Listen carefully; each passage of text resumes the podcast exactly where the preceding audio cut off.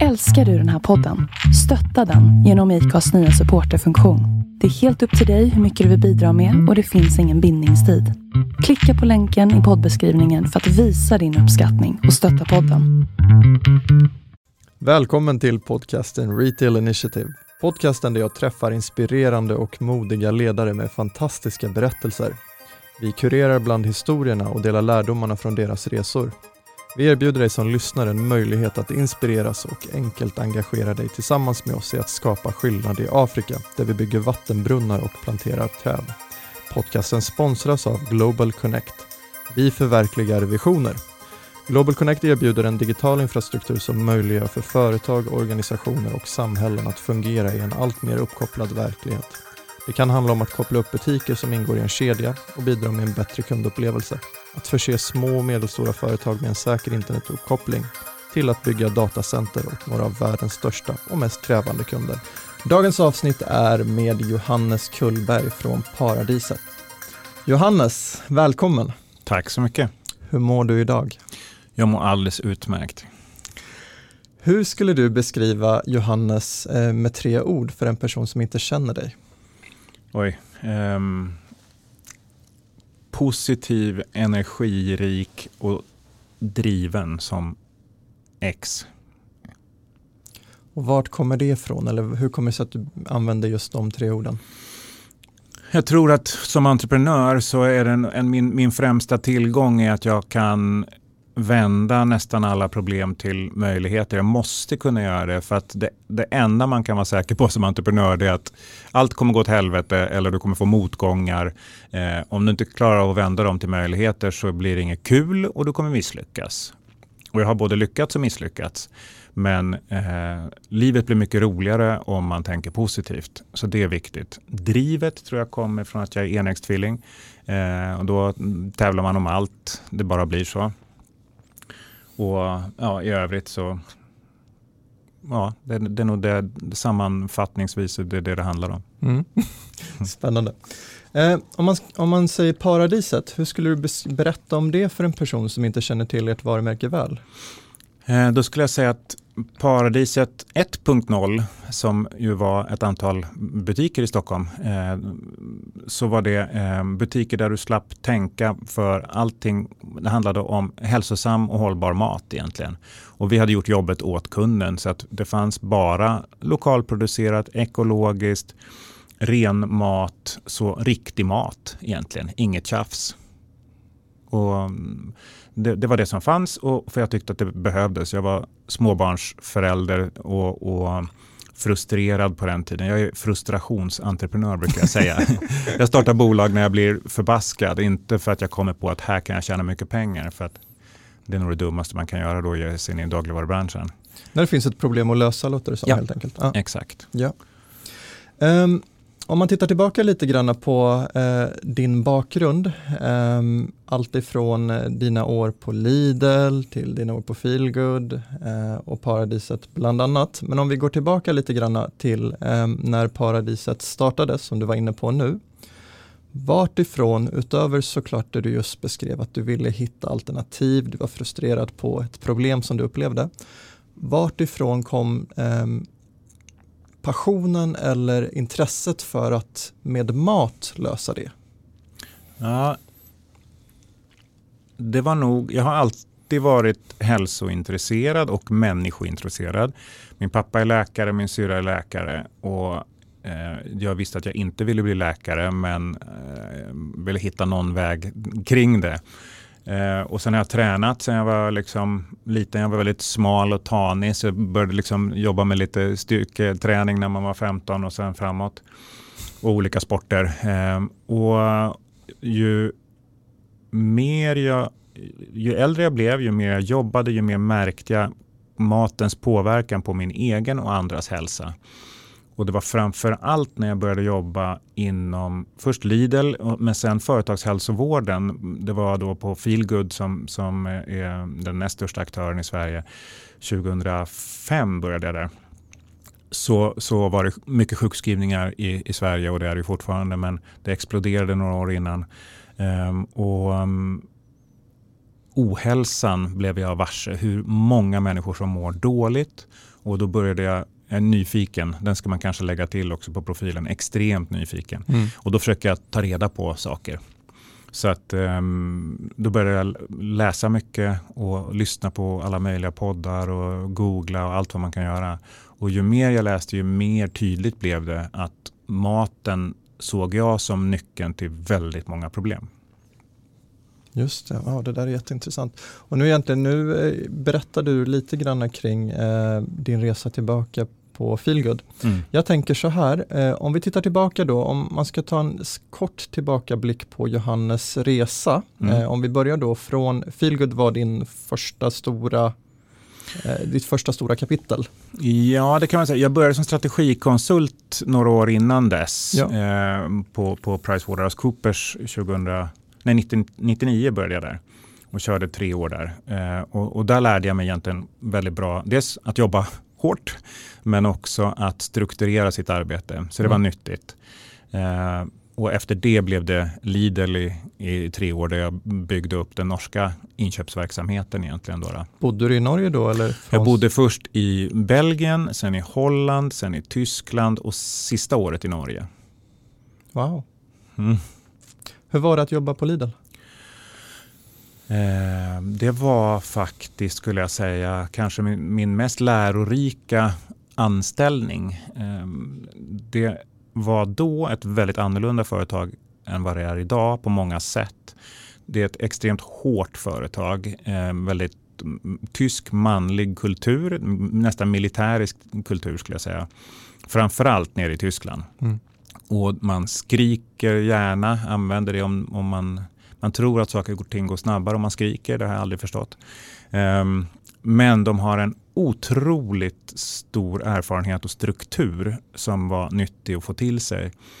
Uh, och ehm, många verktyg som jag använder eh, än idag därifrån.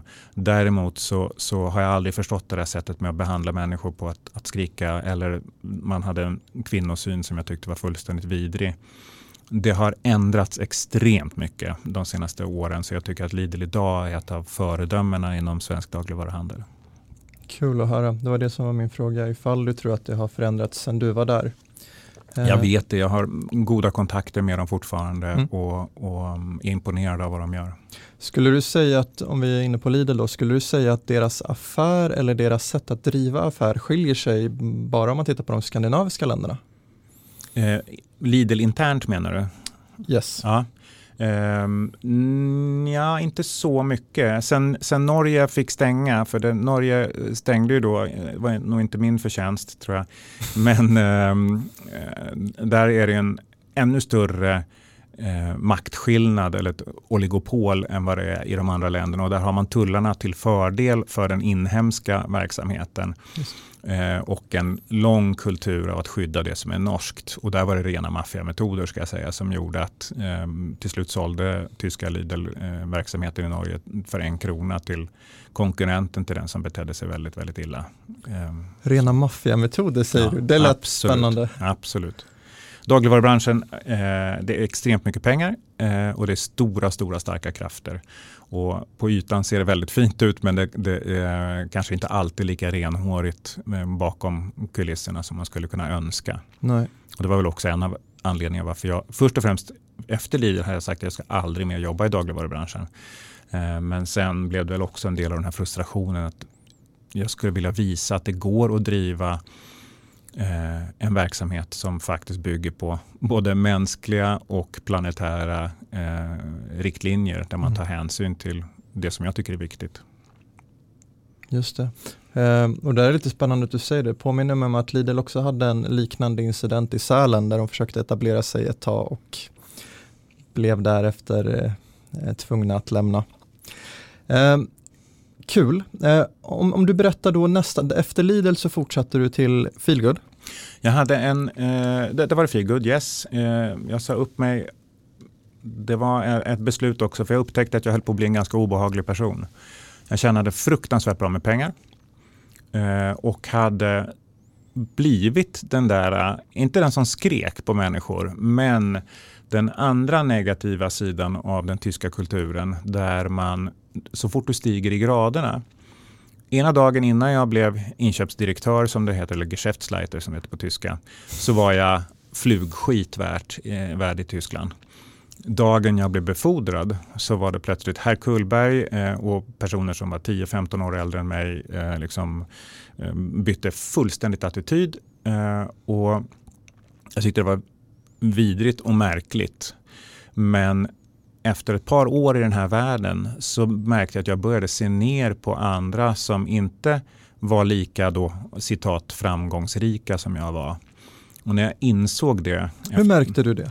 Det var faktiskt en incident. Jag var hemma i, i, i Stockholm på, på, över helgen och blev väldigt onykter på en fest. Eh, jobbade liksom stenhårt där nere och så när man kom hem så work hard, play hard. Det var mitt devis. Inte så jättesmart men så var det. Och blev väldigt onykter och, och um, hamnade i någon argument med någon kille som jag sa, och liksom, men vem, vem fan är du? Hur mycket tjänar du då? Och, och liksom um, tänkte väl inte mer på det på den kvällen, men när jag vaknade upp dagen efter och insåg vad jag hade sagt och, och att, det, att det var så jag tänkte eh, när jag var full så insåg jag att men det här kan jag inte hålla på med. Så jag åkte tillbaka till Norge så sa jag upp mig på måndagen eh, och gick ner 80 procent i lön när jag började på Feelgood. Wow, vilken insikt. Varför tror du att det är så? Eh, kanske inte specifikt Tyskland, men varför tror du att det är så lätt att fastna i sin roll eller sin funktion och låta det påverka ens attityd? Ja, men vi är människor och vi är flockdjur. Eh, vi är gjorda för att anpassa oss utifrån den miljö vi befinner oss i. Och, och det är oerhört lätt att steg för steg gradvis Eh, glida in i en roll som passar i den miljö man är i. Det, det är så vi är skapade för att överleva. Eh, om man inte är medveten om det och tänker på det så, så sker den här förändringen så långsamt så att man knappt märker det. Och, och det tror jag händer, eh, har du suttit länge på Telia, men då plötsligt så från början var du nog en, en levnadsglad och, och snabb och, och, härlig människa. Men efter tio år i den världen så blir man en byråkrat. Nu, äh, stackar, förlåt Telia, men, men äh, det är ett exempel. De, liksom, man vänjer sig vid att bli en liten silomänniska som, mm. som ingår i ett jättenätverk där din individuella prestation liksom är ganska meningslös. Och det här är min högst egna tolkning. Mm. Men, ja. Så i korthet, det, det jag hörde är att man påverkas av sin omgivning. Ibland Absolut. direkt eller indirekt. Absolut. Mm. Eh, sen när du kom till eh, Feelgood, jag har eh, läst att du var den yngsta vdn på ett börsnoterat bolag i Sverige. Ja. Hur var den upplevelsen? Det var ganska spännande och jag blev inte vd direkt utan jag började som regionchef för eh, ett ganska misskött område. Det var 45 enheter, jag hade väl en 18-20 av dem som under mitt ansvar från Stockholm upp till Norrland. Eh, så jag hade ett och ett halvt år på mig att lära känna verksamheten och personalen. Jag var regionchef i tre månader, sen blev jag vice vd för bolaget efter tre månader. Ehm, och det, det, det, var väldigt eh, lärorikt för då kunde jag träffa alla människorna och, och, förstå verksamheten. Och sen så fick den dåvarande vdn gå på grund av att bolaget blödde otroligt mycket pengar. Och då eh, frågade styrelsen om jag ville ta över, eh, även om de egentligen tyckte att jag var alldeles för ung. Eh, Hur gammal var du vid den tiden? Jag var, ska vi se, 31 eller någonting sånt där. Eh, måste jag ha varit. Så, um, um, men, men styrelsen, en i styrelsen sa liksom att ja, men, jag la fram en plan eh, och, och, då så frågade de Ja, eh, hur gammal sa du att du var? Jävligt fånig kommentar. Vilket jag också sa och då var det en annan i styrelsen som sa ja, fast det där med åldern är i alla fall ett problem som i alla fall löser sig med tiden. Ha, ha, ha. Ja. Vilken kommentar. Ja, det var, det var uh, fascinerande.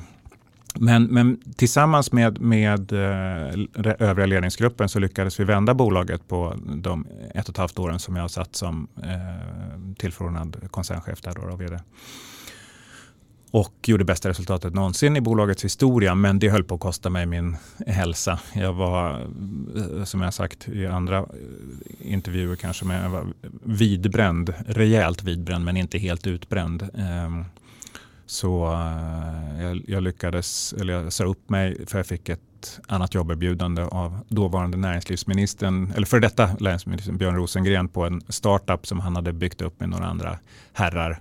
Mm. Och där var, det var min kortaste anställning i karriären. Jag var där i sju månader innan jag fick sparken eh, för att jag eh, inte tyckte om att syssla med ja, en, en, ganska stor rad oegentligheter egentligen. Och, och, um, jag blev både hotad och alla möjliga saker. Men det var väldigt lärorikt. Um, från den dagen så sa jag att jag ska aldrig mer jobba för någonting som jag kallar för prestigegubbar. Och det var både på Feelgood och eh, Björns entourage där. Liksom. För att är prestige eh, och yta viktigare än eh, hjärta och, och liksom affärsförståelse, ehm, eh, då blir det inget bra. Då ska man inte jobba med mig. Så då, då, då startade jag mitt första bolag. Det var 2008 som jag slutade.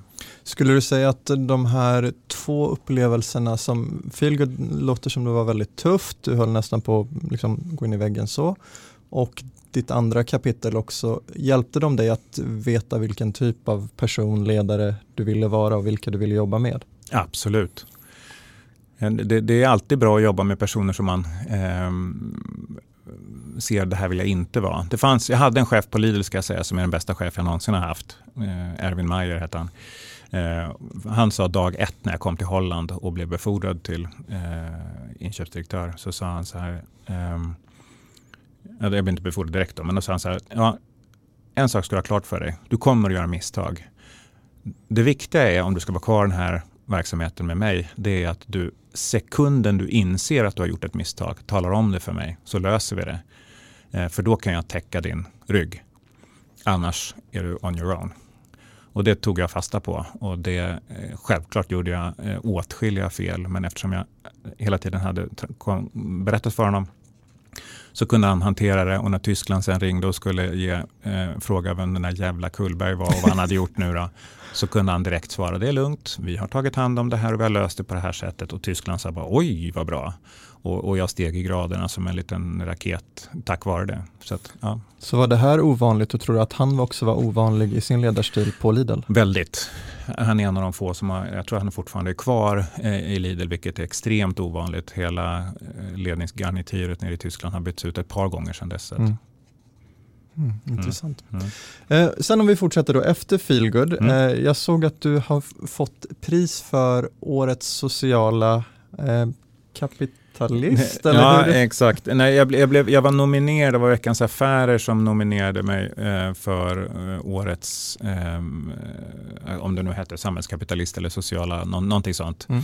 För att man gjorde goda gärningar. Det var inom, med mitt andra bolag, mitt första egna bolag då, Proactive Health Partner, som jobbade med att digitalisera företagshälsovården och, och försöka eh, jobba med beteendeförändring men med digitala verktyg. Um, och det var superkul och jättesvårt. Men vi var, vi var, det var lite så här, jag har hela tiden nästan varit den här vet, som gör en Tesla innan elnätet är utbyggt. Sen kommer efter några år kommer, kommer verkligheten i, eller liksom i världen i fatt.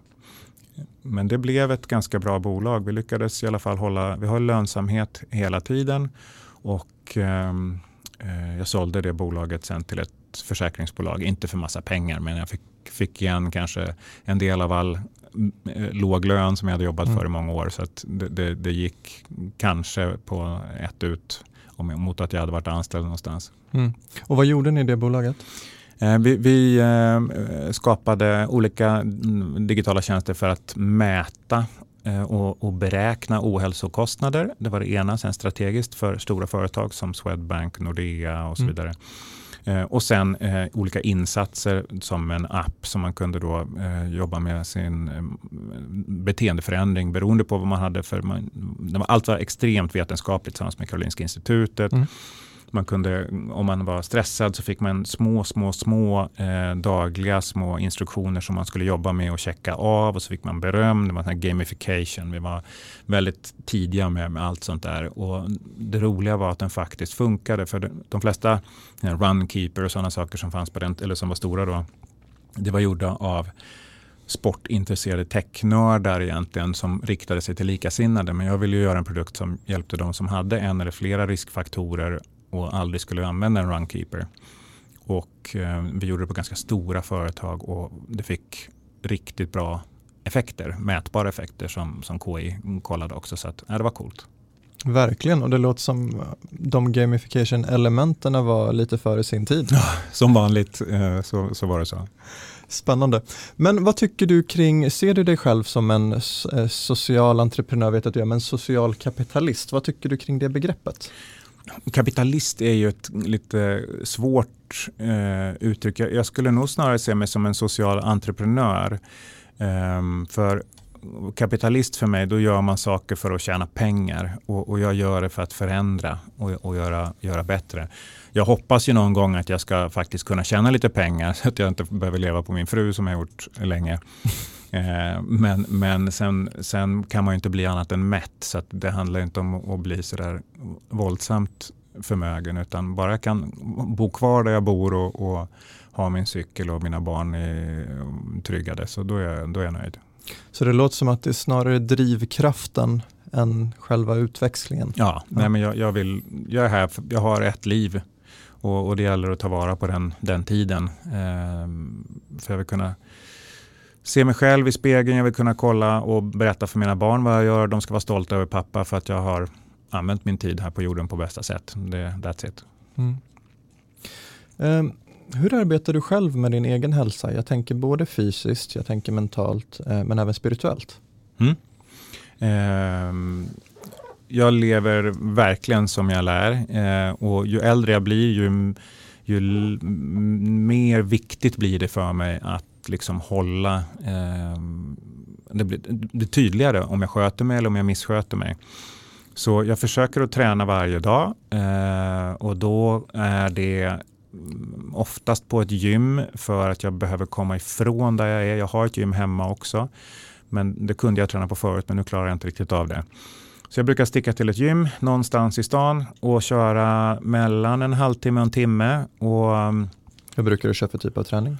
Eh, eh, tung styrketräning kombinerat med rörlighet och gymnastisk kroppsviktsträning. Då, då. Så jag, jag, för att hålla det kul så, så har jag haft en, en fantastisk gymnastikcoach tidigare när jag hade råd med det, nu har jag inte det, eh, som heter Marcel. Eh, som, så jag lärde mig stå på händer eh, och, och, det var kul.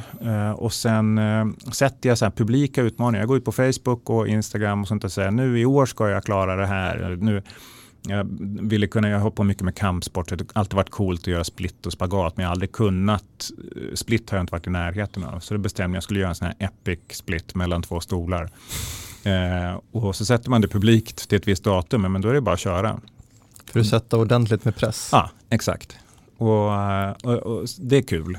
Men sen eh, så försöker jag cykla så mycket jag kan mm. och, och, sånt som vardagsmotionen. Men, men sen eh, sömnen extremt viktig. Jag har en sån här aura-ring på mig som mäter min sömn varje natt. Och Hur kollar. tycker du den funkar?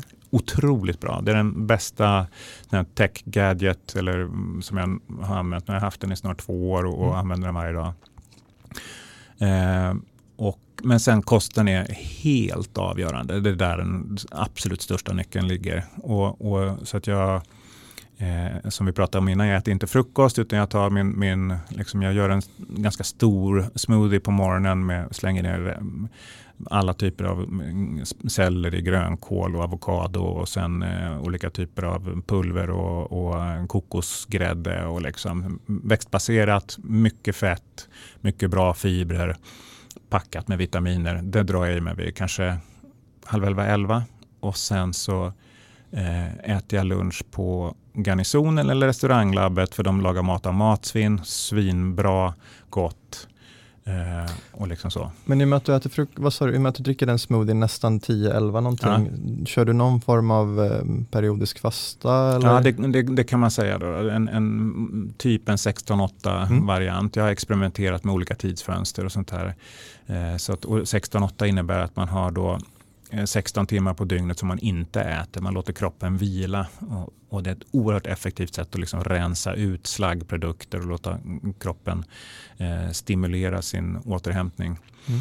Eh, och sen äter man under de åtta timmarna. och du sover bättre och, och, du faktiskt, det finns mycket forskning på det här nu också med, med att hålla åldrandet i, i schack. Mm. Um, så det, det, är jätteviktigt. Och försöker undvika kolhydrater från allting som är liksom eh, ultraprocessat går helt bort eh, och det innebär att det liksom är eh, här, som jag kallar för fake-mat. Alltså de här barebells-baren eller, eller eh, chipsen, pommes fritesen, allting sånt skit. Det, det, det håller man borta från. Det skapar bara inflammation i kroppen. Och sen en, mellan en sån här stenålderskost eller mm. eh, lågkolhydratkost mm, ligger jag. Det mår jag, mår jag väldigt bra av. Men det, sen är det så här, det är jag. Jag är 46-årig man, tränar mycket och så. Andra har andra Eh, behov. Och det är någonting som jag har lärt mig också i det här med att vi är alla olika man måste titta utifrån sig själv. Mm. Men, men nu ska jag säga någonting som är väldigt gross kanske, men, men något av det mest värdefulla det är faktiskt att man tittar ner i toaletten varje dag och ser vad, vad som eh, nummer två, hur, hur, jag talar om hur kroppen mår. Just det. Så att, eh, det är faktiskt någonting som jag gör eh, och det talar om väldigt tydligt eh, hur, hur jag mår. Eh, ja. Det där känner jag igen hemifrån så att för mig kommer det inte som en chock heller. Jag har en hustru som är väldigt intresserad av eh, allt vad det innebär att titta inåt och titta på det man äter. Och, mm. Eh, jag, har, jag har fullt stor respekt för eh, den läran. Um, om vi går tillbaka till sömnen. Mm.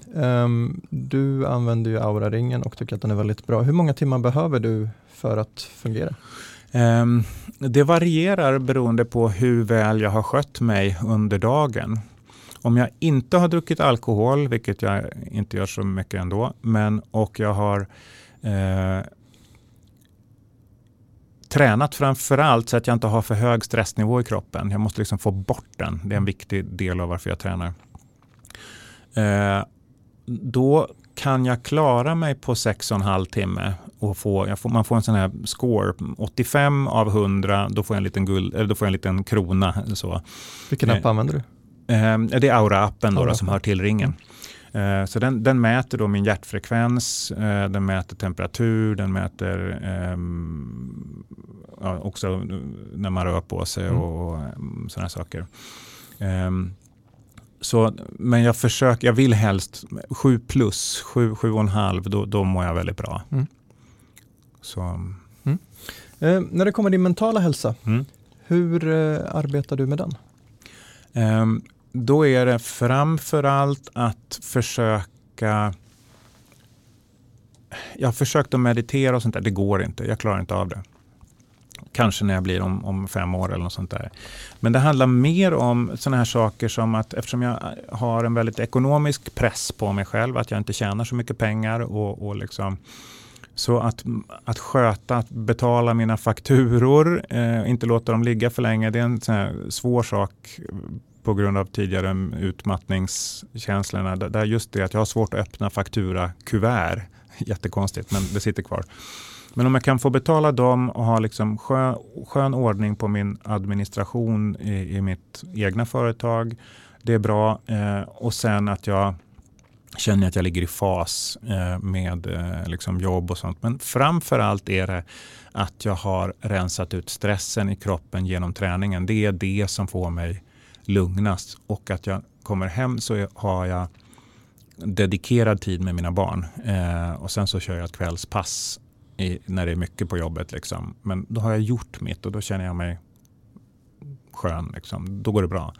Men eh, annars, för, jag tänker positivt och liksom, eh, det, det, är nog liksom den här inställningen. Men om jag har mycket stress i kroppen och hanterar den, då går det bra. Låter jag det ligga kvar, då faller jag sen, om det går för länge, då börjar jag tänka så här, men jag skulle vilja dricka bärs med kompisarna och liksom, då går jag åt det svarta hållet istället. Så jag kan vara väldigt antingen eller. Tidigare var, var det mycket mer svartvitt. Mm. Nu är det, är det liksom vitt till ljusgrått om man säger så. Um, och det där tycker jag är väldigt spännande. Så när det gäller, um, du sa till exempel ett kvällspass, så för dig för att kunna återhämta dig så hjälper din fysiska träning dig för att hitta ro? Extremt mycket.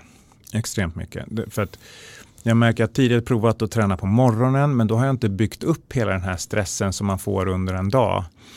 Eh, och, och, därför så försöker jag lägga mina träningspass vid, liksom, antingen vid tre till fyra och sen hämtar jag mm, lilla Nina på dagis.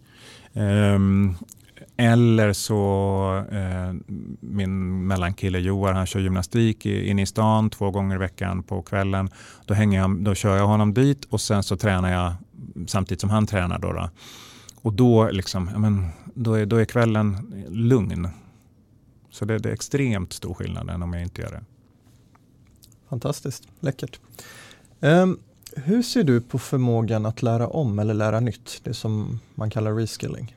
Um, jag tror att det är en av de viktigaste sakerna att utsätta sig för, eh, vilket jag tror väldigt få människor idag gör. Och då kommer jag att gå tillbaka till mitt Telia-exempel. Sorry igen.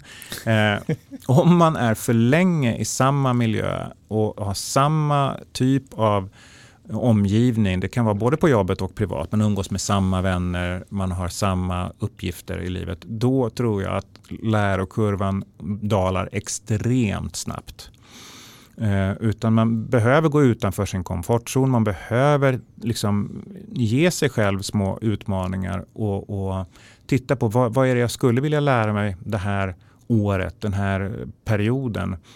För annars så stagnerar man. Och, och, men det är en obekväm eh, uppgift att göra. Alltså det är ett motstånd alltid. För vi, återigen evolutionsmässigt, vi trivs som människor med att vara i en trygg miljö där inget oväntat nytt händer. Så vi är programmerade för att inte göra det. Eh, men här måste man gå emot eh, den bekväma känslan. Har du något specifikt fall där du själv har påbörjat en sån resa där det har varit otroligt eh, jobbigt eh, till en början? Eh, om man ska ta något exempel från folk i ens näromgivning, alltifrån liksom att folk börjar duscha kallt till att folk börjar träna mot och inte har tränat alls innan och så vidare. och så vidare. Ja, eh, flera av de här som jag har försökt, meditationen är en sån som mm. jag har försökt men misslyckats med. Duscha kallt är en sån här dröm som jag har men också mardröm för att det är bland det värsta jag vet. Jag älskar min varma dusch på morgonen och jag kan inte byta ut den för allt smör i Småland. Liksom. då, ska, då ska det till en riktigt stor utmaning. Jag skulle vilja för att veta att hälsoeffekterna är så otroligt positiva av det men det kommer nog inte att hända. Um, så att det är väl, tror jag, de... Eh, och, och jag försöker då också att öppna jobbiga mejl och betala fakturer tidigt. Det är de jobbigaste sakerna som sitter kvar från min utbränning. Då också. Eh, och det, det, är motigt, det är sjukt tufft. Eh, och framförallt ju, ju mindre pengar jag har, ju jobbigare blir det. Eh, när jag vet att jag har eh, fått in pengar på banken, då, då är det lättare. Så att, det är sådana märkliga saker. Det där tycker jag är intressant, för du som har byggt flera bolag innan och har eh, en erfarenhet av just entreprenörskapet. Hur ser du på kopplingen mellan framgång, pengar? Ja, det är en, en bra fråga. Alltså, framgång för mig är det är viktigt att man dels får uppskattning för det man gör. Att man känner att man gör någonting som utvecklas positivt. Det är otroligt viktigt. Um, och, och, jag kan vända på det, just det här med att det är därför jag har en, en tatuering på min vänsterarm som jag gjorde efter för, alltså sommaren 2018 när vi hamnade i en, en akut likviditetsproblematik i paradiset som, som vi, vi borde ha varit i en väldigt positiv eh, period men ett, en rad händelser som kom väldigt tätt följd gjorde att allting vände på sig blixtsnabbt.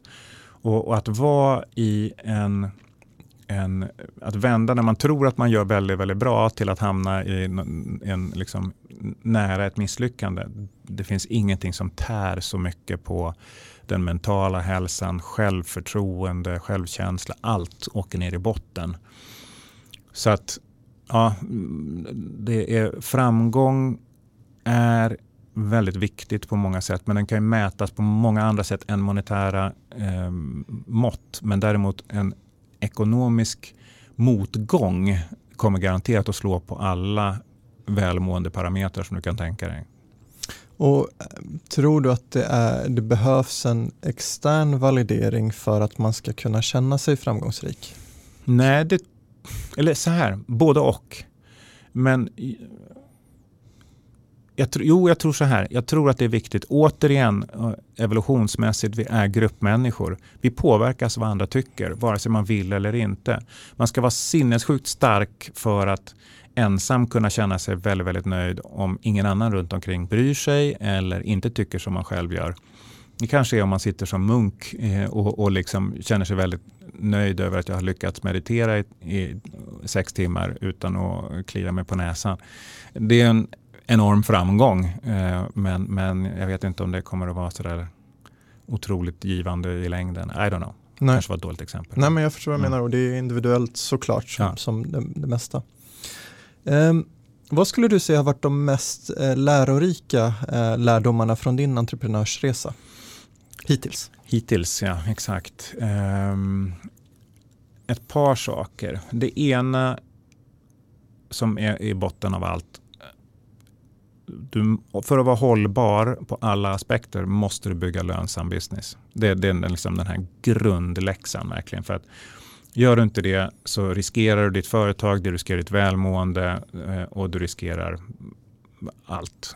Så det måste vara eh, en lönsam affärsmodell. Oavsett om man också sysslar med social, hållbar, social entreprenörskap. Det måste finnas en lönsam modell i det. Det andra är teamet. Vilka människor du omger dig med. För att du kan vara väldigt säker på att du inte behärskar alla områden så bra som man skulle vilja. Eller tror. Eller tror. Och ju, ju snabbare man inser och har tydligt vilka svagheter man har och kan omge sig med människor som kompletterar de svagheterna, desto större sannolikhet är det att du kommer att både lyckas men också ha en mycket roligare arbetsdag. Eh, så, så liksom teamet och, och affärsmodellen helt avgörande och det är nog, det är nog nästan det, liksom de, de är helt alfa och omega. Affärs, vad du gör sen, ja, men det är väl jättehärligt om du verkligen, alltså, att du brinner för själva konceptet. Men jag tror man kan ha kul. Jag har haft roligt i alla mina jobb egentligen, även när jag jobbade på um, i uppdrag där, liksom konsultuppdrag där jag inte brann för produkten för att det är roligt för att jag hade ett bra team och så vidare. Eller um, på, på, på Lidl när jag kanske inte tyckte att vissa av produkterna var superbra. Eh, så, men det var extremt lärorikt. Mm. Så, ja. Och om man vänder på det då, vad har varit, om du kan liksom lyfta två saker då också, som har varit det mest eh, smärtsamma under din entreprenörsresa?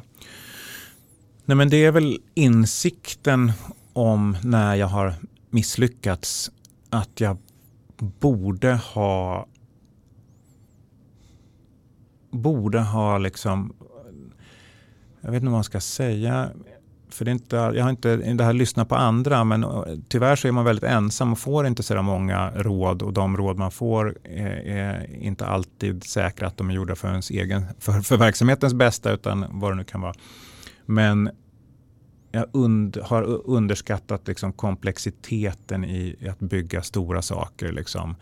Eh, men samtidigt så är det väl det som är tjusningen med entreprenörskapet. Skulle jag veta hur enormt hårt jag fått slita de senaste sex åren med Paradiset så hade jag mm, jag vet inte vad jag hade gjort om jag hade startat det, men, men eh, jag är väldigt lycklig för att jag inte visste om det.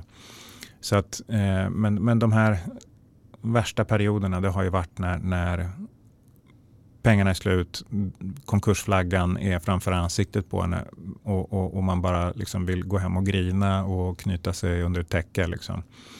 Det, det. Och, och dessutom, jag kan inte egentligen ha kunnat berätta när läget har varit som värst för min fru för att du vet att hon mår inte bra av det. Så det hjälper inte att dela den liksom, ångesten.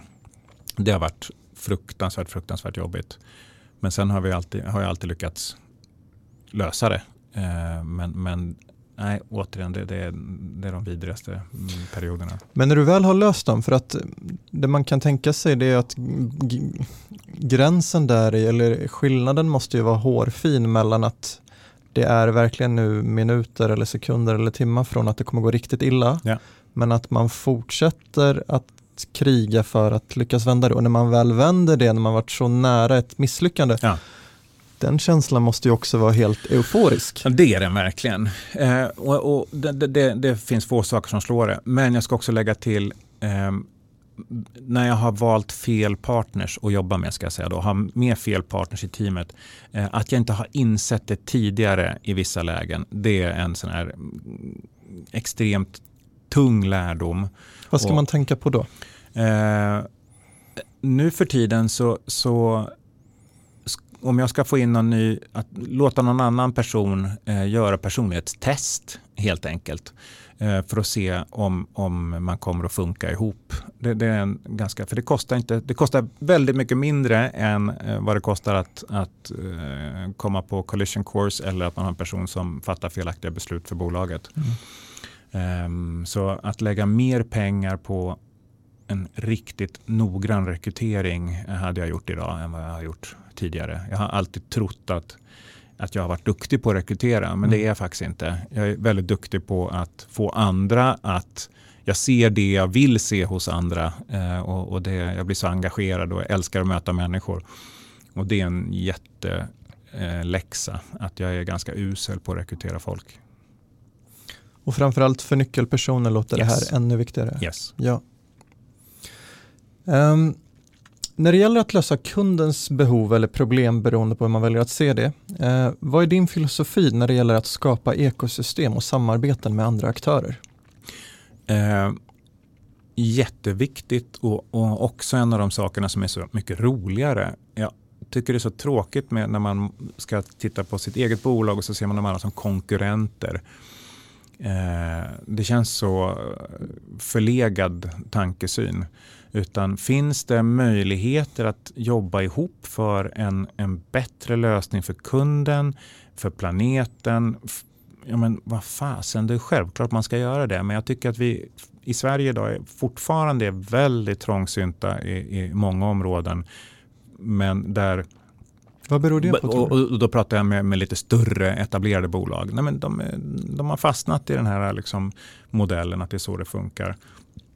Men däremot startup-världen och, och även eh, andra socialt entreprenörsdrivna bolag som Houdini eller liksom, eh, vad ska man säga, det är ett bra exempel, jag kan bara ta dem så länge. Så liksom, där, även om de omsätter ganska mycket pengar så är liksom den här underbara inställningen med att klart vi ska hitta på saker tillsammans, vi hjälps åt, vi stöttas. Eh, det är helt suveränt. Kuriosa, berätta om t-shirt-samarbetet med Houdini. Ja. Nej, men jag, har ju, jag har alltid Houdini-kläder på mig. Jag tycker de är, är bara helt fenomenala och jag vet hur hållbart och hur extremt dedikerade de är till att göra de bästa produkterna utifrån ett mm, liksom hållbarhetsperspektiv. Eh, och så Eva Karlsson som är vd på Houdini har jag känt länge och vi åker ofta på olika konstiga såna här eh, eh innan covid eh, seminarier och, och eh, lär oss. Och, och, och där var en, en kul grej. De har en, hade, har en t-shirt som är liksom den, den renaste t-shirten som jag tror finns idag. Som när du lägger den, om du lägger den på komposten så blir den till jord. Och, och de har faktiskt då komposterat ett antal eh, använda sådana här t-shirts, odlat morötter och grönsaker av dem och, och serverat som eh, mat, vilket är bara så sjukt coolt. Fascinerande. Hur lång tid tar det då för en sån t-shirt? Att, Jag kan inte de detaljerna men, men eh, vi får kolla med, med Houdini. Men, mm. Det ska jag absolut kolla upp, vad Mm. spännande. Ehm, när det gäller exponentiell teknologi, eh, vad fascinerar dig mest? Finns det någon särskild teknik som du är extra nyfiken på? Finns det Mm. något bekymmer också kopplat till det? Ja, jag hade en, en, en spännande, ett spännande samtal med eh, Mona Esmailzadeh som är väldigt duktig på, på det här med exponentiell eh, teknik och gärna inom hälsovård.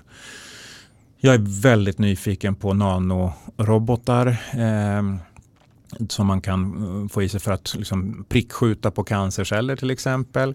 Eh, jag är också väldigt nyfiken på eh, när vi kommer att kunna få in små robotar eller små chip som kollar av tarmfloran och talar om exakt vad, hur ser det ut för dig nu Johannes. idag skulle du behöva liksom, äta lite mer av det här för att optimera din, din hälsa. och sånt. Så Det tycker jag är superspännande.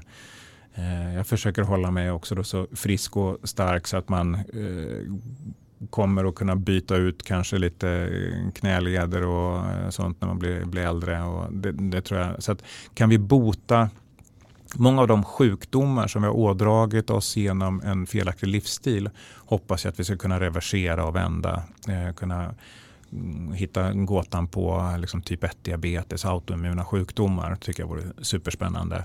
Men sen är det ju miljötekniken helt klart. Kan vi desalinera vatten? Kan mm. vi hitta, eh, liksom, göra solenergi, andra alternativa fossilfria energikällor eh, effektivare? Där hoppas jag att det ska gå mycket snabbare än vi gör. Svampar som bryter ner plast. Och liksom, det finns mycket idag men kan få det här på en global skala hade varit riktigt coolt. Jag längtar efter att det ska komma. Vilken teknik eh, kommer betyda mer för er på paradiset? På paradiset så tror jag den tekniken finns redan. Där handlar det om en beteendeförändring. Det handlar om att folk måste, som vi säger, liksom, återknyta kontakten med riktig mat. Vi åt bra för liksom, eh, hundra år sedan innan, de här, eh, innan man började inse att vi kan eh, jobba med att producera mat liksom av, eh, med, med, industriella metoder där vi kan ersätta dyra råvaror med billiga. Vi kan stoppa in kemikalier och fejka, sminka maten så att den mm. Ser ut som riktig mat och, och, sälja billigt och den kan stå på en hylla i två år.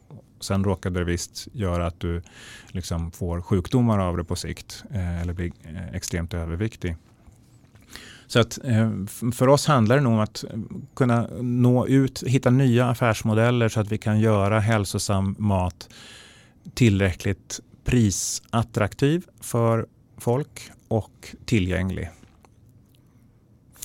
Um, Eh, det jag gillar med dig specifikt eh, är ju att du tar striden mot de stora som jag har läst eh, någonstans. Vad är det du upplever att branschen faktiskt behöver utöver då uppstickare eller aktörer som pressar? Vad behöver, nu pratar vi kanske specifikt om detaljhandeln, men alla mer mogna traditionella branscher, hur ska vi få dem att faktiskt evolveras? Jag tror att det är, man det viktigaste är att man går ifrån, vilket är också det svåraste, att gå ifrån kvartalsekonomin och liksom den här kortsiktiga lönsamheten. Man hela tiden bara tittar på, men är man ett börsbolag, men då är det kvartalsekonomin som styr. Men att kunna se att det här kommer på några års sikt göra att dinosaurierna dör ut. Eh, och har de inte varit med om att ställa om, liksom, kometen är på väg mot jorden, det är bara liksom att inse. Och ju snabbare de företagen som har ställt om och jobbar med hållbara affärsmodeller kommer vara de som klarar sig. Och jag kan bli förvånad på ett sätt över att man inte säger så här, okej, okay, nu ska vi, nu, det här kommer att kosta, men nu ska vi fasen ställa om och bli eh, liksom föredömet i den här branschen. För det kommer att vara lönsamt och en konkurrensfördel om tre år, fem, fem år. Men på grund av hur liksom marknadsekonomin och, och liksom det kapitalistiska systemet är uppbyggt så är det gjort för att inte fungera på det sättet. Så att vi, vi kommer att behöva en, jag tror att vi behöver komma från gräsrötterna och skapa nya företagsformer för de gamla klarar inte att, att förändra sig. Intressant det du säger. Det finns ett begrepp som jag tycker är lite spännande som heter run where the puck goes. Alltså att kunna satsa för imorgon och det är ju kanske inte alltid så lätt just i en kvartalsekonomi. Nej. Uh, men där tror jag att uh, både då uh, uppstickare eller startups eller liksom aktörer utanför det traditionella har en jättepotential och ett ansvar. Men även allt fler starka individer blir ju intraprenörer, alltså stora bolag har ju ändå möjlighet att ställa om, eh, men där tiden kanske tar en annan. Eh, hur ser du specifikt på AI eh, för er och för detaljhandeln? Ehm, jag tror att AI kommer att vara väldigt viktig för att individualisera rekommendationer på hur, hur jag kan få hjälp med hur jag ska äta till exempel. Att eh, man har, eh, det finns redan idag smarta receptmotorer och, och sen saker som kan eh, hjälpa till och, och göra det som man uppfattar som svåra beslut enklare.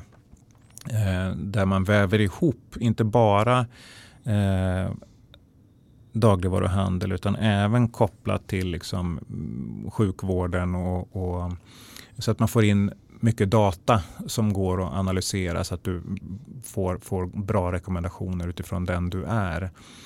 Sen har vi de här GDPR och, och, och liksom alla de här eh, liksom, hindren i vägen. Men det är just bara hinder och de är gjorda för att rivas. Liksom. Eh, men men eh, det är en sak som jag tror är väldigt, väldigt viktig.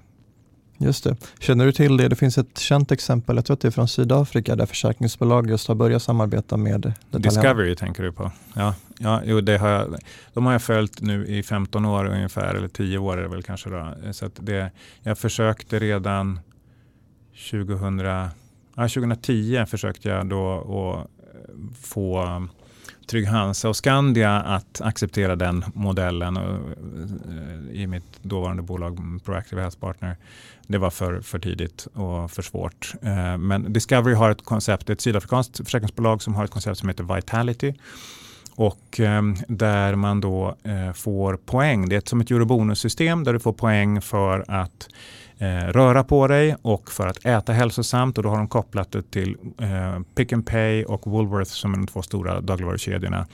Och då får du upp till 25 kickback eller cashback på mm. eh, hälsosamma livsmedel som då är taggade i systemet. Så när du scannas så, så registreras det här är en grönsak, den är positiv, bra, 25% cashback. Briljant, jag har faktiskt gjort en ansökan till Lidls uh, Future Sustainability Challenge, vad den heter för någonting, Future uh, Initiatives uh, som bygger på det. Så att, det den, kanske får en ny chans. Ja, man, jag ger mig inte. Liksom. Den, jag har pitchat den där fem gånger tror jag, men, men det här var sista gången nu, eller sista, den senaste gången. Jag kommer inte ge mig för att folk, människor behöver en nudging i, i form av en, för att kunna åstadkomma en beteendeförändring. Och kan man få det genom det som resulterar i pengar, alltså mer pengar i plånboken, som dessutom ger positiva hälsoeffekter, tror jag det vore skitbra. Alla älskar ju sitt eurobonussystem, alla vill få sitt guldkort eller vad det nu är för någonting. Och använder man exakt samma metodik för att du får lite poäng för att du har varit på, på gymmet, att du har, har varit ute och eh, gjort en hälsokontroll så att du vet hur läget är.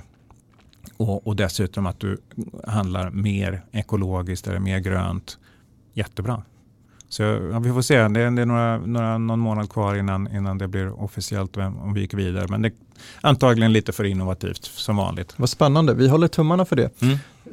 Jag sitter och funderar lite på, det finns ju andra detaljhandelsaktörer som kanske också har försäkringsbolag. Det förvånar mig att ingen annan har valt att faktiskt satsa på det här. Ja, det låg i, i, mina stora planer för Paradiset en gång i tiden att, att kunna eh, göra en, en försäkringslösning, också en white labelad variant mm. såklart, men där man får bättre villkor om man tar hand om sig, för det är väldigt lönsamt för försäkringsbolagen. Men det kanske kommer med Paradiset 2.0? Absolut. Berätta lite om vad är Paradiset 2.0? Det är eh, den, den covid-anpassade konkurs eh, inspirerade får man säga. För att det som hände var att butikerna gick i konkurs eh, på grund av att vår sista finansiering kraschade. Den var godkänd och klubbad av styrelsen och fyra dagar senare så gick börserna ner i, i svart. Eh, och de pengarna var det som hade, vi var, Söderbutiken var på, på plus, den var positiv och NK hade redan varit uppe på plus innan covid kom. Men i och med det här så, så kraschade det. Så här tar vi då lärdomen och ser, okej, okay, vi måste tänka nytt. Digital handel på maten, av mat har eh, gjort eh, liksom en fyra femårig utveckling på tre månader. Liksom. eller på, på ett par månader. Och, så att mathandel på nätet har nu blivit faktiskt lite var mans möjlighet. Fått en rejäl skjuts. Ja. Mm. Och man har börjat inse att fasen vad jag stoppar i mig spelar roll. Jag kan äta mig starkare, ett bättre immunförsvar. Och, och det spelar väldigt väl in till paradisets affärsidé. Så vad, vad det innebär är att, men fortfarande så har vi en huvudargument mot och det är priset. Folk tycker att hållbar hälsosam mat är dyr. Och då har vi tittat på hur 17 kan vi lösa det här? Och då finns det ett amerikanskt bolag som heter Thrive Market som jag har följt i fem år. Um, som har gjort en egen variant av ett annat amerikanskt bolag som heter Costco. Och det bygger på ett med, en medlemsklubb. Man stoppar in ett par, eh, liksom, säg, eh, 60-70 kronor i månaden och blir medlem. Och då får man tillgång till väldigt kraftiga rabatter. Snitt kanske 20% upp till 40 eh, på eh, produkter som, som är fantastiska. Eh, och, och, Det här tycker jag var så bra, så det har jag velat göra länge. Men nu får jag en möjlighet att göra om det här. Så för vi kommer alltså sälja, då blir det torrvaror. Det är också en, liksom, om man tittar på Apotea så har de ju en av de få näthandlarna som också har matprodukter som faktiskt tjänar pengar och det är rejält. Men det är också de har bara torrvaror, de har eh, en hög andel med eh, hälsokost och skönhetsartiklar och sen apoteksprodukterna såklart. Och det här, om man tittar på en dagligvarubutik så är det de produkterna som har högst marginal. De har längst hållbarhet på hyllan så det är, ingen, liksom, det är väldigt låg eh, svinn på dem. Och perfekta att skicka för du behöver inte ha kyltransport eller frystransport som kostar otroligt mycket pengar. Så vad vi gör är att vi tar paradiset, skalar av hela färskvarusidan och sen gör en medlemsklubb av det där du betalar 69 kronor i månaden eh, som årsmedlem och kan handla din mat i hela Sverige eh, till upp till 40% rabatt. Om inte det är attraktivt, då vet det fasen. men, men eh, och, och, när vi har bevisat att det här funkar om något år ungefär så kommer vi även att lägga till en färskvarusida. Men då tar vi en inspiration från ett annat bolag i Frankrike som är ett techbolag eh, som har skapat ett koncept som heter La Rouge Kidiwi. Jag kan inte franska, men tydligen betyder det liksom bikupan som säger ja. Det är det märkligaste namn jag någonsin har förstått wow. eller hört. Men, men um, i grunden innebär det att man har lokala, um, som en rekoring kan man säga, uh, men till skillnad från en rekoring som oftast bara har några få varor, väldigt varierande utbud och, och ganska höga priser så, så kan vi koppla in många lokala färskproducenter på ett, ett ställe som kommer vid en viss tidpunkt. Du har köpt allting på nätet redan, eh, men bor du i, på Södermalm så kommer du åka till Bysistorget på lördag klockan 10 och så finns producenterna där mellan 10 och 12. Du hämtar dina grejer så producenten har tagit transporten dit. Du hämta dina grejer där. Eh, kan och snacka lite med producenten och provsmaka kanske nästa veckas grejer, få kontakten eh, och sen åker du hem. Och producenten får väldigt, väldigt mycket mer i fickan för mm. att vi skär bara väldigt lite emellan. Eh, och konsumenten får tillgång till ett helt kylt sortiment. Um, och Dessutom så kommer vi tillbaka till det här att man återknyter kontakten med riktig mat. Du får se, nej men det här är killen eller tjejen som faktiskt producerar grönsakerna eller köttet eller vad det nu är för någonting. Och Det är väldigt, väldigt viktigt för barn särskilt att kunna vara med och, och få klämma och känna och titta. Eh, det, det är jättespännande. Så att jag tror, min förhoppning är att det här ska bli det nya sättet och handla som egentligen är ganska likt det vi gjorde för hundra år sedan. Bara att vi använder lite modern teknik. De stora, tunga, bulkiga grejerna de skickar vi hem. Och färskvarorna och vi hämtar. Gör, så vi delas om, delas, vad heter det? Vi, vi, vi hjälps åt att, att göra jobbet. För det, eh, det finns ingen näthandlare av mat idag med fullt sortiment som tjänar pengar i Sverige. Eh, Mathem, Mat.se, Coop, ICA, alla förlorar stålar. Och då kan inte jag hoppa in igen och försöka kopiera vad de stora gör. Nej. För det krävs enorma resurser. Utan nu försöker jag titta på, okej, okay, fokus är att driva en business som är ekonomiskt lönsam och då gäller det att titta på de produkterna som det är. Och sen måste den vara attraktiv för omsättning är viktigt. Och, och jag tror att människor nu är mycket mer redo än vad de var bara för tre, fyra år sedan att eh, använda modern liksom, teknik för att hjälpas åt. För vi har lite tid och vi, det är så svårt med, med mat. Kan vi med Paradis koncept att kurera sortimentet. Du har bara bra grejer. Mm. Du kan lita på det här. Allting är utvalt. Du kan handla vad fasen som helst i, på Paradiset. Det är checkat två, tre, fyra gånger och, och det är bra. Och framförallt, alltså det jag hör, ni bygger ju en plattform för att lyfta in det lokala. Ni bygger en plattform för att lyfta in andra om vi går tillbaka till ekosystemstänket. Ja. ja. Um, så att det här ska bli otroligt spännande att följa. Mm. Um, finns inget liknande i Sverige, va? just den här Costco-modellen. Eller jag vet i Norge har man väl typ, eh, heter det Smart Club eller något liknande? Ja, exakt, Smart Club. Nå, eh, du har väl, eh, det finns ju inom andra områden så finns det sån här eh, köp vad heter det, kundkraft eh, och liknande. Mm. Så det bygger på ju fler vi blir, ju eh, större volymer kommer vi kunna handla, ju bättre priser kommer vi kunna ge till medlemmarna.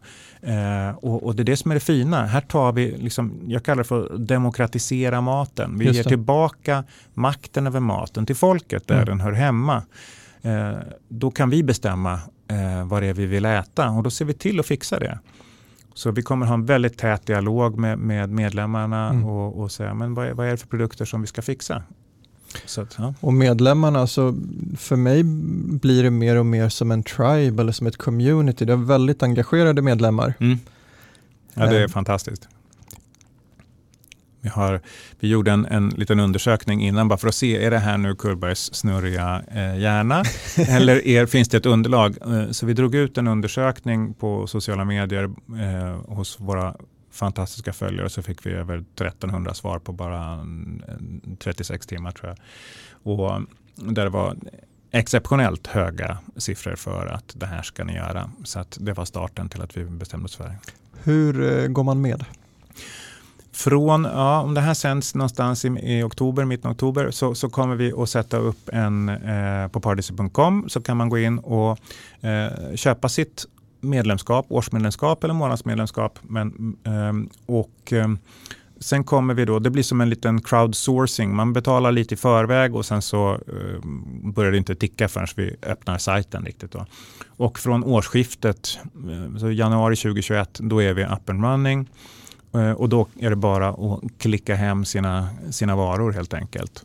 Så det kommer vara väldigt enkelt. Man går in där och vi kommer ha early bird eh, sign-up. Så att man, ju, ju, tidigare man går in desto eh, bättre villkor får man.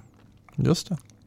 Um, när det gäller digital infrastruktur mm. eh, som möjliggör för att koppla upp den fysiska butiken. Eh, nu har ju inte ni fysiska butiker i dagsläget. Nej.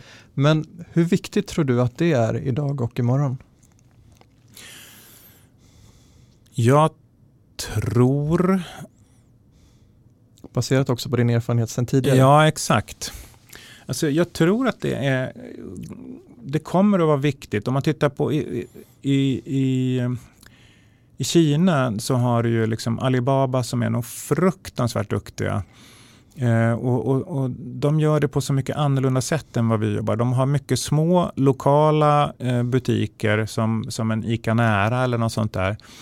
Eh, där du kan gå runt och med din lilla telefon och scanna lite varor. och ehm, du kan ehm, få reda på väldigt mycket om produkterna om man nu skulle vara intresserad av det. Men framförallt så, så kan de ha tillgång till mycket större sortiment så du kan klicka hem grejerna du vill ha, gå och klämma och känna.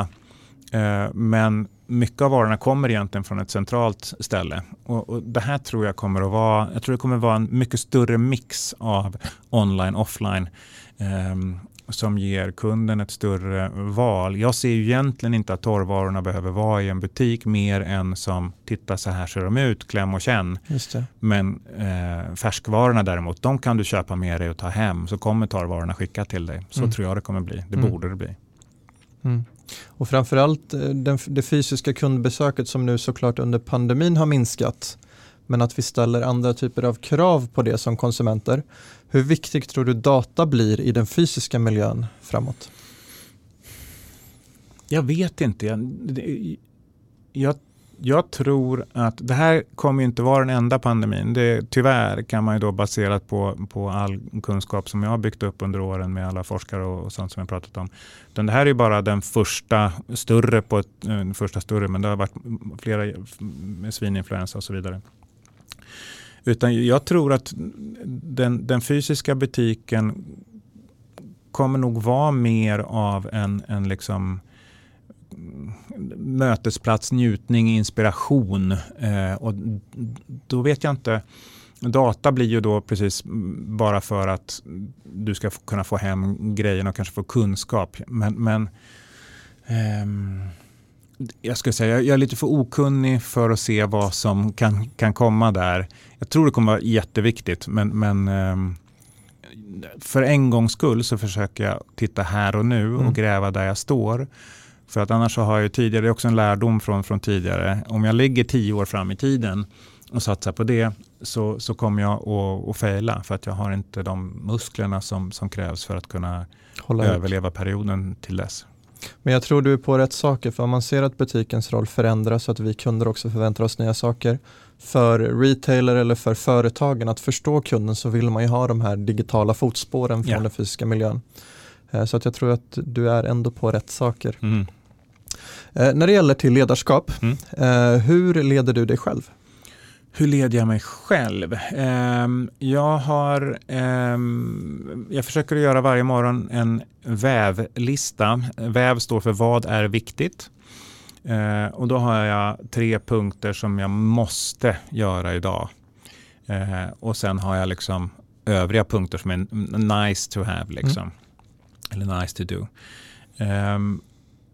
Och jag försöker att inte straffa mig själv om jag nu failar, vilket händer rätt ofta. Utan ja, men då åker punkten upp mm. dagen efter igen. Um, och generellt sett så försöker jag vara ganska snäll mot mig själv. För ingen blir gladare av att jag liksom, man har bara ett liv återigen. Och, och, och gå runt och, och piska sig själv det är så många som gör det men man får så lite ut av det. Jag tror det är bara negativt. Och framförallt tror jag att många kvinnor tyvärr är duktiga på, om man ska säga så, men, men eh, använder det här negativt. Man går runt och varför åt jag den här grejen? Varför, gjorde, varför sa jag det här i det här mötet? De går igenom och processar, framförallt de här liksom, typ A-gruppen eh, som är högpresterare och det sliter något så fruktansvärt. Det är därför vi ser också väldigt, har sett och ser fortfarande väldigt höga sjukskrivningstal i den här kategorin. Och, och jag har liksom, jag känner att jag, om man håller på med yoga som jag har gjort tidigare och hoppas kunna komma tillbaka till, så handlar det om att skicka kärlek inåt hela tiden och, och liksom tacka sig själv för att man har givit sig den här stunden eller den här tanken. Och det tror jag är oerhört viktigt. Så om det är något jag tar med mig från, från yogan så är det liksom, kom ihåg att andas någon gång om dagen och älska dig själv. för att alla andra går runt i sina bubblor och har inte riktigt tid och kraft att älska dig, älska dig kanske så mycket som du skulle behöva. Så att älska dig själv, mm. det är nice. Verkligen. Eh, hur skulle du säga att du leder andra? Hur är det, vad är det för typ av ledarskap som du vill utöva? Eh, jag är en, om jag skulle varit vd för ett storbolag så skulle jag vara en ganska usel vd. Jag var bra en gång i tiden, eh, men det kostar så mycket kraft eh, att, att leda människor som också kanske har blivit misshandlade rent ledarskapsmässigt eh, genom åren. Och jag har inte den jag, jag, jag, har inte den kraften längre riktigt. Det börjar komma tillbaks. Men, men jag, jag, är bra på det sättet att jag, jag talar om vänster, högerkant, fram och bak. Det här är spelplanen. Eh, sen får du köra bäst du vill, eh, bara du ser till att göra mål. Liksom. Det, det, är det enda som, eh, som, som, spelar någon roll i slutändan. Mm. om du kan göra liksom, tio mål genom att, att sitta och, och vila liksom, delar för att du mår bra av det, perfekt. Vill du vara på plan och spela hela tiden, gör det. Men, men, så att jag är väldigt frihet under ansvar. Mm. För, men när det sen inte funkar, då blir jag både otålig, frustrerad, arg, besviken. Och, och, det är inte de här bästa egenskaperna man ska ha som en, en, led, liksom en, ja, en ledare för större grupper av människor. Så jag behöver, för att jag behöver jobba med väldigt smarta, drivna människor för att jag ska, då, är, då är jag en bra ledare. Eh, men om jag jobbar med personer som inte riktigt är där av samma anledning, mm. har samma drivkraft, då blir jag en ganska usel chef. Mm, jag förstår. Jag förstår. Eh, hur söker du inspiration och kunskap för att bygga ditt ledarskap? Det gör jag nog inte faktiskt. jag, jag, jag, liksom, jag har nog på något vis accepterat, jag är väldigt tydlig med vem jag är. Och sen tycker jag att liksom folk får leda sig själva lite. Mm. Det, det, är mer så. Så att jag, återigen, jag är nog en ganska dålig ledare men jag har inte heller någon ambition att bli bra. Jag vill inte vara vd. Eh, så fort som möjligt så kommer jag hoppa av vd-rollen för, för Paradiset. Eh, för att det finns andra som är mycket bättre på det. Joe, min närmaste kollega, han är sjukt mycket bättre på att vara vd än vad jag är. Ledare så får jag hålla på och pyssla med mina små saker som är liksom, jag går igång på och, och tycker är kul. Så att, nej, jag, däremot så det som jag ska söka inspiration till det är ju hela tiden att vässa hjärnan. Mm. Att hålla mig alert, agil och, och, ta in intryck från unga, gamla, eh, olika branscher, olika områden. Så att man är hjärnan är liksom plastisk. Det gäller att, att se till att utnyttja det. Ehm, Men lyssnar du, läser du, ser du, liksom, vad hämtar du? För? Jag, jag, jag, läser väldigt mycket i form av facklitteratur. Det har varit mycket nytta med podcasten som jag har kört i ett och ett halvt år, eh, Vägen mot paradiset. Och, väldigt bra podd. Ja, tack. Eh, så där känner jag att jag har läst in liksom nästan en, ett par olika utbildningar eh, därför att det blir extremt intensivt. Eh, sen lyssnar jag jättemycket på podcasts, eh, alltid när jag cyklar. Och framförallt ska jag tipsa alla människor om ni, inte, om ni har entreprenörsdrömmar eller tankar. Eh, How I built this med Guy Raz är liksom magiskt. Det har räddat mig många jobbiga eh, dagar eller nätter. Lyssna på det. Eh, men sen är det samtalen med andra människor och gärna, jag får jättemycket folk som söker kontakt med mig. Mm. Även om det kanske inte är 100% rätt just nu så brukar jag försöka ta mötet för att se men kan det vara något här och vad kan vi lära av varandra? Och Det tycker jag är sjukt spännande. Det låter som att du är nyfiken som person. Absolut. Sista frågan Johannes. Mm. Um, Berätta mer om hur det kommer sig att du vill skapa impact eller göra skillnad kanske man säger på, på mm. svenska. Både på det personliga planet men också med det företag eller den rörelse du bygger.